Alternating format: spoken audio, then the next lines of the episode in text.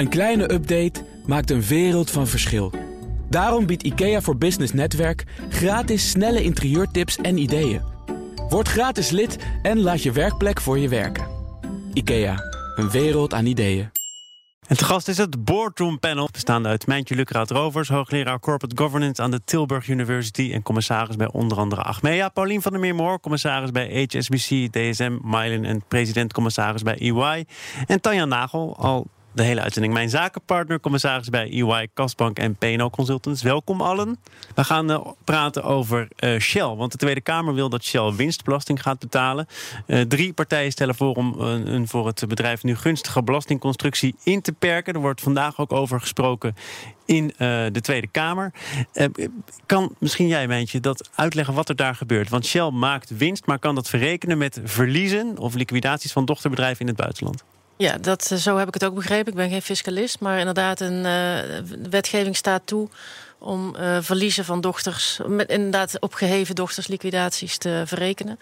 En daardoor kan het voorkomen, die geruchten gaan, want we weten dat dus niet zeker, dat Shell geen belasting betaalt in Nederland. En als je me ook vraagt wat ik daarvan vind, dan zou ik dat zeggen. Zou volgende vraag zijn.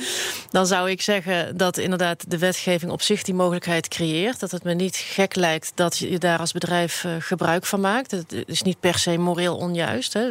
We vinden allemaal wel dat de belasting betaald mag worden, maar waarom zou je dat niet op de meest gunstige plek doen? Het wordt wat anders als je besluit om je hoofdkantoor naar de Noordpool te verplaatsen, omdat daar het belastingtarief uh, beter is. Want dat, dat dient geen ander doel dan echt alleen die belastingen. Dus of je verandert de wetgeving, wat ik me ook heel prima kan voorstellen. Maar verwijt het dan niet Shell als je hem laat bestaan dat daar dan ook gebruik van wordt gemaakt. Dat is precies wat eh, GroenLinks, een van de partijen die nu andere voorstellen indient, ook zegt. we kunnen wel boos zijn op Shell, maar doe dat niet. We hebben een wet die dat mogelijk maakt. Dus als je daar iets aan wil veranderen, dan moet je de wet veranderen, Paulien. Ja, zo is het inderdaad. Die wet is overigens ooit wel uh, tot stand gekomen met in het achterhoofd multinationals als Shell. Uh, dus, dus je zou haast, nee, ik wil niet zeggen dat het een Shell-wet is, maar het is wel duidelijk gecreëerd om grote multinationals deze mogelijkheid te bieden. En daar hebben ze al die jaren heel goed gebruik van gemaakt. En ik zou me ook kunnen voorstellen dat voortschrijdend inzicht nu zegt van, nou ja, weet je, dit feestje kan niet eeuwig duren. We gaan eens kijken of we deze wet nog wel willen. En het inperken zou er nu uh, in bestaan dat die mogelijkheid om uh, verliezen en winsten te compenseren met elkaar te verrekenen beperkt wordt tot verliezen in de Europese Unie. Maakt dat een wereld van verschil uit? Ja, dat maakt wel verschil uit, ja. Dus dit is dan een wet die echt. Dan wordt het restrictiever voor, ja. voor bedrijven hè, die, die hier gebruik van maken. Ja. ja. dus dat betekent dat ze, dat ze gewoon minder, minder eh, verrekeningsmogelijkheden krijgen. En, en als ik aan jou vraag hoe lang het feestje nog moet duren, om het in jouw eigen termen ja, te zeggen. Ik ben geen politicus, doe ik geen uitspraak over. Dat zijn politieke afwegingen. En uh, ja, weet je, dat is, uh, het is nu wat het is. En als het morgen anders is in een, in een democratisch besluitvormingsproces, dan is, het, dan is dat zo. Ik denk wel dat het goed is om te weten wat dan de gevolgen zijn. Want we hebben het nu net alsof het de wet voor Shell is, maar het gaat natuurlijk veel breder. En de vraag is natuurlijk, we hebben geen idee wat de gevolgen zijn van andere wetgeving. Ik weet ook niet in hoeverre de politiek zich daarmee bezighoudt. Maar je moet je wel realiseren dat dit gevolgen kan hebben voor werkgelegenheid. En je bedoelt dat, dat die, uh, die hoofdkantoren daadwerkelijk uh, naar de Noordpool verhuizen? Of in ieder geval naar buiten Nederland verhuizen. Ja, nogmaals, ik weet niet hoe groot de groep is van bedrijven die er gebruik van maakt. Dus, dus ik vind het een beetje jammer dat we het hebben alsof het een soort Shell-wetgeving is. Want het gaat natuurlijk veel breder dan dat. Nee, maar ik, ik hoor hier net dat die wet is opgesteld met bedrijven als Shell in het achterhoofd. Maar er zijn er meer van, toch? Ja, zeker. Ja, het is niet alleen voor Shell. Dus ja. voor multinationals in het algemeen is het in, in het leven geroepen. En, uh, en we leven hier in Nederland natuurlijk ook niet uh, op een ijsschots. We leven hier in een Europese Unie. En uh, dus, dus er is ook nog zoiets als een level playing field. En dat zijn allemaal overwegingen voor bedrijven om, om na te denken over waar ze, hoe ze hun vestigingsbeleid inrichten. Ja, er zit nog wel een andere kant ook aan het verhaal. Hè? Het gebrek aan transparantie. Dat is ook een van de argumenten die worden aangedragen. Daar ben ik het wel enigszins mee eens. Niet in de zin dat je alles maar open en bloot moet, moet neerleggen. Want ik geloof zeker dat dit ook concurrentiegevoelige informatie is. En dat je daar. Uh, en de belastinginspecteur kijkt daarna. Dus dan moet je er gewoon op kunnen vertrouwen dat wat er gebeurt, dat dat goed is. Wel vind ik dat bedrijven best openheid kunnen geven over dat zij hun fair share ook betalen van de belastingen. En dat ze daar een soort statement, niet een statement in de zin van dit is ons, onze verklaring, maar in het verslag. Uh, leg ook verantwoording af hoe je daar tegenaan kijkt. En dan moet je ervan uit kunnen gaan dat ze dat ook zo doen. Maar iets meer transparantie over hoe. Zel je heel scherp aan de wind of ben je gewoon bereid om jouw deel gewoon prima te betalen? Daar mag best wel iets meer over verteld worden. Maar, denk je dan dat doordat die transparantie er nu niet voldoende is, dat die bedrijven ook de verdenking op zich uh, laden dat het op dit moment dus niet helemaal in de haak is? Of? Nou, dat weet ik niet. Maar dan blijven er inderdaad altijd die vragen komen. En ik denk dat je best wel, net zoals dat we tegenwoordig ook over veel meer dingen willen dat bedrijven verantwoording af, afleggen. Over een mensenrechtenbeleid, over het tegengaan van fraude. Over en dan vind ik het betalen van belasting hoort ook bij zo'n onderwerp. Maar dus mijn belastingaangifte wordt ook niet openbaar. Nee, maar dus je hoef je niet. Maar, wel, heel veel, uh, maar een bedrijf. Ja, maar je kan als bedrijf best wel uitleggen wat jij verstaat onder een uh, je belastingbeleid. Of dat inderdaad heel scherp is, of dat juist helemaal uh, dat je alles gewoon betaalt, of dat je in het midden zit, dat je gebruik maakt van wetgeving en dat je vindt dat je jouw fair share betaalt. Even naar de andere kant van de tafel. Hoe wordt daarover gedacht? Meer transparantie over hoe bedrijven en waar bedrijven belasting betalen? Ja, ik heb daar niet zoveel toe te voegen. Kijk, je, je, je bent als bedrijf onderdeel van de samenleving. De samenleving geeft jou je license to operate, zoals het zo mooi heet. Dus uh, daar moet je ook wel wat voor terug doen. En het, het, transparantie hoort daarbij tot op zekere hoogte. Hè. Je, je hoeft inderdaad niet alles uh, naar buiten te brengen voor zover het concurrentiegevoelige informatie is. Maar ik vind dat je best gewoon kunt, uh, kunt aantonen dat je, dat je je netjes aan de wet houdt en wat dat betekent voor, je, voor de belastingrekening. Tanja? Ja, zo transparant mogelijk, denk ik. ik denk dat... En daar gaan we dan weer over discussiëren wat transparant is nou en wat ja, niet. Concurrentie, ik, ik snap wel wat Paulien zegt. Als het eenmaal gevoelige informatie is voor je concurrent, dan wil je die natuurlijk niet openbaar maken. Ja. Als het niet hoeft. Nu is Shell een bedrijf dat al vaker is besproken in deze context, ook na publicaties in Trouw. Uh, er is een, een hoorzitting vandaag in de Tweede Kamer. Shell wilde daar in eerste instantie niet naartoe komen. Komt nu toch, ook omdat de druk werd opgehoogd. Ja, moet je dat als bedrijf anders aanpakken en zeggen: oké, als we nu eenmaal in het middelpunt van de belangstelling staan, dan komen we ook maar. Dan hebben we niet weer dat gedoe van ze komen niet. Of toch wel, Paulien? Ja, dan ben ik. Uh, ik vind het heel verstandig om daar altijd terughoudend in te zijn. Dan kan je ook maar beter gewoon meteen uh, het gesprek aangaan. En laten we zeggen, in tennistermen aan het net komen staan. En niet achterin blijven staan en die balletjes steeds terugmeppen. ja, is meer service volley spel hier van Shell. Is, is dit hoe het niet moet? Als je dan, als je dan eerst zegt, nee, we komen niet, want we zien die noodzaak niet. En dan kom je uiteindelijk weer wel? Nou, ik denk dat dat niet handig is, want dat, dat voelt dan als een verlies, zeg maar. Dus je moet gewoon je beleid bepalen. Ik begrijp best de aarzeling om daar te verschijnen. Omdat het, uh, zeker de politiek uh, heden ten dagen, is natuurlijk toch wel een beetje uh, populistisch en makkelijk scoren op de makkelijke onderwerpen.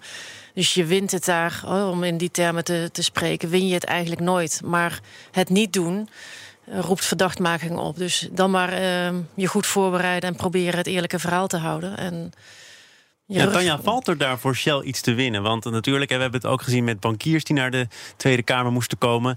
Dan kun je ook nog afvragen, er wordt daar van alles gezegd. Wat haalt uiteindelijk de krant of het journaal? Dat zijn dan toch weer ja, ja, van dik hout zagen men planken. Ja, volgens mij is niet komen iets wat altijd negatief wordt uitgelegd. Um, en wel komen soms ook. Um, ik, ik denk dat dat ook een kwestie is van heel goed voorbereid zijn in wat je boodschap is en hoe je die brengt. Ja, en dan ben je nog afhankelijk van hoe dat vervolgens door journalisten wordt opgepakt en ook wat de politiek ermee doet. Maar dan heb je in ieder geval wel invloed op uh, wat je nog zelf kan doen. Als ja. je niet verschijnt, dan laat je die kans natuurlijk lopen. Dan, ik weet inmiddels dat ik hier niet met uh, politici aan tafel sta, maar toch GroenLinks zegt over dat eigen voorstel. Ja, het is eerder geprobeerd. Toen is het het uh, niet geworden. Toen is het er niet doorheen gekomen. Maar het maatschappelijk debat, het sentiment richting grote bedrijven, dat is veranderd. Deze keer gaat het er wel doorheen komen. Die beperkingen die zullen een feit worden. Als jullie dat nu moeten inschatten. Niet als politici, maar als duiders. Paulien, denk jij dan dat die wet nou ja, kans ik zei net al, het, het, feestje kan niet eeuwig duren. Dus het zou best eens kunnen dat het maatschappelijk uh, gevoel daar nu anders over is dan het 30 jaar geleden was. En dat die wet er nu wel doorheen komt. Ja, Mijntje, wat denk jij? Nou, ik vind het wel altijd echt makkelijk scoren om het allemaal op het maatschappelijk sentiment te gooien. Want dat is inderdaad, natuurlijk is dat een superbelangrijk argument, daar gaat het niet om. Maar wat Tanja straks al zei, er zit veel meer achter zo'n wetsvoorstel. En dat wordt niet belicht. Hè? Dus de, wat betekent dit nu? Dus ik zou geen, uh, uh, geen wetje op durven zetten wat het, welke kant het opvalt. En ik hoop dat er gewoon een verstandig besluit wordt genomen. Daar kan denk ik niemand het mee oneens zijn. Of Tanja, wil je toch proberen? Nee, okay. ik, ik ben het ermee eens. Goed. En we gaan het over ING hebben, want dat zou interesse hebben in de Duitse Commerzbank. Die de laatste weken dan weer vooral in verband gebracht werd met Deutsche Bank. Ja, denk ik dan dat de eerste vraag is, Paulien, wat zou ING willen met Commerzbank? Nou, ik heb geen idee of ING dat echt wil, want ik heb dat niet van ING zelf gehoord. Alleen maar uit het omveld, hè, in de, vooral in Duitsland. dus uh, uh, de vraag is of, of, of, ING er zelf ook zo over denkt. Uh, ik zou me er op zich best iets bij voor kunnen stellen. Want ING is natuurlijk, heeft wel een groeistrategie uh, in Europa en in Duitsland met name. En zit daar vooral digitaal. En Commerzbank geeft natuurlijk heel veel stenen. Dus als zij als groeistrategie hebben, wij willen er graag stenen bij en daarmee kopen wij marktaandeel, dan kan ik me dat voorstellen. Maar dan, uh, dan sta je aan het begin van een heel lang traject. Want dan moet je eerst maar eens even heel goed kijken of er niet allerlei rommel en rotzooi achter die stenen zit. Dat uh, is toch wel, dat moet je sowieso goed bekijken. Dat maar moet je sowieso goed bekijken. en Deutsche Bank zijn toch ook niet zomaar met elkaar in gesprek? Nee, die zijn niet zomaar in gesprek. Maar uh, als, je, als je de commentaren daarop leest, dan, dan, dan hoor je ook wel dat, dat dat gezien wordt als de lammen en de blinden die met elkaar in gesprek zijn. Dus dat wordt niet als een algemeen gelukkig huwelijk gezien. Zo dat betreft is ING natuurlijk een veel solidener partner. Maar de vraag is of, of ING met zo'n partner heel blij is. De vraag is, ik, ik denk wel dat het landschap, het bankenlandschap in Europa zit te wachten op grensoverschrijdende fusies. In ieder geval op consolidatie. Consolidatie grensoverschrijdend is weer ingewikkelder dan binnen het land zelf. De vraag is of de Nederlandse bank erop zit te wachten om dan zo'n grote uh, kluif voor zijn kiezen te krijgen voor het geval dat zoiets niet goed zou aflopen. Want too big to fail betekent in dit geval dan dat de Nederlandse bank daar uh, een belangrijke rol in krijgt te vervullen. En dat het balanstotaal voor alle banken in Nederland inmiddels het, uh, ja, zeg maar de Nederlandse begroting ver te boven gaat. Dus dat wordt wel een zware last te dragen voor Nederland. Ja, als ik het op zijn Kees de Kort zou moeten zeggen, meer minnetjes dan plusjes. Meer minnetjes dan plusjes. Dan ja, als jij de optelsom maakt? Nou, ik vind die stenen in Duitsland, dat zijn ongeveer duizend vestigingen. En uh, voor het beeld, uh, ING heeft er ongeveer 220 of zoiets uh, in Nederland. Um, maar wat ik weet van de Duitse markt, dat is niet veel. Maar Gielis was onderdeel van een organisatie die ook een vestiging had in Duitsland. En er waren in verhouding heel veel kantoren daar. Omdat de Duitse klant dat ook echt nog waardeert. Dus je kan wel kopen en denken dat je vervolgens kan reorganiseren om van je stenen af te komen. Maar de vraag is of je je klanten dan nog hebt. Dus uh, we zitten hier te speculeren, want je hebt helemaal gelijk, Paulien. We hebben geen idee wat die of ze wel wat willen en wat ze dan willen. Um, maar het lijkt mij ook niet heel eenvoudig om daar de synergie-effecten uit te halen. Mijntje. Nou, ik had natuurlijk precies dezelfde overwegingen van willen ze nou al die stenen hebben, terwijl ze het hier juist aan terugbrengen zijn. Dus mijn conclusie was nee, ik denk niet dat ze die stenen willen hebben. Dus ze, zullen waarschijnlijk denken dat we dat digitale kunstje wat ze hier in Nederland hebben gedaan, dat kunnen we um, door schade en schande wijs geworden, kunnen we dat nog eens een keer herhalen, maar dan in Duitsland, omdat die markt dat nog niet gedaan heeft. En dan is inderdaad de grote vraag die Tanja ook zegt: is de Duitse klant daar klaar voor? Want als die er klaar voor is, dan lijkt het me echt een gouden deal. Want dan, uh, ik denk, ja, die, die stenen, daar willen ze misschien ook vanaf in Duitsland. Dus dat, dat krijg je dan voor een prikje. Maar je krijgt wel dat hele klantenbestand. En uh, ga je dan ook van je mensen af? Want dat is natuurlijk wat hier ook altijd boven de markt hangt. Met hoeveel werknemers gaat Commerzbank uiteindelijk door? Ja, ik begreep dat ze daar wel iets van garanties voor moeten afgeven, geloof ik. Dus dat zal dan op een andere manier, zullen die mensen te werk gesteld moeten worden, neem ik aan. Ja. Maar ik ik zou me goed kunnen voorstellen dat ze hun digitale strategie in Duitsland, als dat een succes wordt, dan heb je er dus ineens een gigantisch uh, bereik bij. En Paulien, jij haalde het net al aan. Het gaat dan, als dit allemaal doorgaat, om een internationale fusie. Um, nou, komt in dat gerucht ook naar voren dat ING zou hebben aangeboden om het hoofdkantoor te verplaatsen naar Frankfurt. Wordt dan meteen weer achteraan gezegd van ja, god, dat zal misschien wel niet zo goed vallen. Is dat een terechte kanttekening? Wat, dat het niet goed zal vallen? Ja, dat het niet goed zal vallen. Ja, hoofdkantoren ja, verplaatsen is altijd een buitengewoon ingewikkelde discussie. Want als het bij de een niet goed valt, valt het bij de andere... He, eh, dat is, dat het zal niet goed vallen in Nederland. Het is een zero-sum game. Maar dat valt dan weer wel goed bij de Duitsers. Het valt niet goed bij de Nederlanders. En boze tongen zullen meteen zeggen... zie je wel, ze krijgen hun zin niet als het gaat om de beloning... en dan verhuizen ze naar Duitsland en hebben ze nergens meer last van. Weet je, dus je loopt meteen tegen dat soort nare discussies aan. Hoofdkantoren verplaatsen is een van de ingewikkeldste dingen die er zijn. Maar, maar dat moet je dan eigenlijk geen, moet je dat dan onderdeel uh, laten zijn. Ja, dat is al vaker gebleken van, van zo'n discussie. Waar komt het hoofdkantoor? Is dat eigenlijk ja, überhaupt natuurlijk. van belang? Ja, absoluut, absoluut. Want als jij Nederlands vennootschap bent met het hoofdkantoor in Nederland... dan is het hele too big to fail verhaal... komt voor konto, voor rekening en risico van Nederland. Dus dan moet de Nederlandse ja. staat inspre ja. uh, inspringen als een bank omvalt. Op het moment dat het geen Nederlandse bank meer is... Het is natuurlijk zeer theoretisch waar we het nu over hebben. Dus nog eventjes, we hebben, we hebben we nog niks gehoord. Idee. We hebben geen informatie. Dus Blijf het is vooral luisteren, ze hebben allemaal geen idee, geen informatie. Maar als het geen Nederlandse bank meer wordt maar een Duitse ja. bank, dan valt dit, uh, dat hele too big to fail uh, probleem valt aan de Duitse kant en niet meer aan de Nederlandse kant. Oké, okay, we gaan tot slot nog even kort naar, nou misschien niet helemaal tot slot, maar naar Frankrijk, naar de Notre Dame. Want daar hebben miljardairs die verbonden zijn aan bedrijven de afgelopen dagen grote bedragen toegezegd voor de herbouw van die kathedraal. In totaal gaat het om 700 miljoen vanuit het bedrijfsleven als je het dan weer optelt met wat er allemaal binnen is gekomen, komen we boven het miljard uit. En het gaat dan ook om twee uh, rivaliserende bedrijven, twee rivaliserende miljardairs, die misschien wel willen laten zien hoe goed ze het voor hebben met uh, Frankrijk en de Franse maatschappij. Is, is dat wat hier speelt, meentje, denk je? Nou, ik, weet, ik, ik ben wat dat betreft altijd een beetje naïef dat ik in eerste instantie ervan uitga dat uh, mensen er iets goeds mee bedoelen. Dus dat het met de beste intenties ook in, de, in het vuur van de avond gedacht is: wij moeten dat mee helpen opbouwen. En de een biedt iets meer dan het ander. En in Nederland hebben wij überhaupt die cultuur natuurlijk niet van hele grote bedragen geven. Dus ik denk dat het ook in de Franse context ook veel gebruikelijker is. Net zoals dat Amerikanen aan universiteiten heel veel geven. En dus in Nederland zijn we daar sowieso al meer iets Ik bedoel dat wij eigenlijk gewoon achterlopen bij al die buitenlanders. Ja, en ik weet niet of we in Nederland nou echt heel veel van dit soort mensen hebben met echt zulke enorme uh, vermogens. Ja, omdat die mensen allemaal belasting betalen. En dat doen ze in sommige landen niet. En dat, dat is volgens mij de discussie die hier speelt. Kun je beter gewoon belasting betalen en wat meer belasting betalen? Of kun je, uh, als je wat minder belasting betaalt, zoals de grote filantropen, de Bill Gates, de Zuckerbergs, die misschien ook wel van alles doen om zo min mogelijk belasting te betalen, dan een enorm genereus gebaar maken op momenten dat het moet, Pauline? Nou, het heeft volgens mij ook met de verzekering te maken. Hè. In Nederland is dit soort dingen vaker verzekerd. En misschien niet 100% verzekerd, maar meer verzekerd. En in Frankrijk heb ik begrepen dat de, dat de, de verzekering veel minder, minder eh, dekt bij dit soort schade. En dat dus de samenleving daarin moet springen.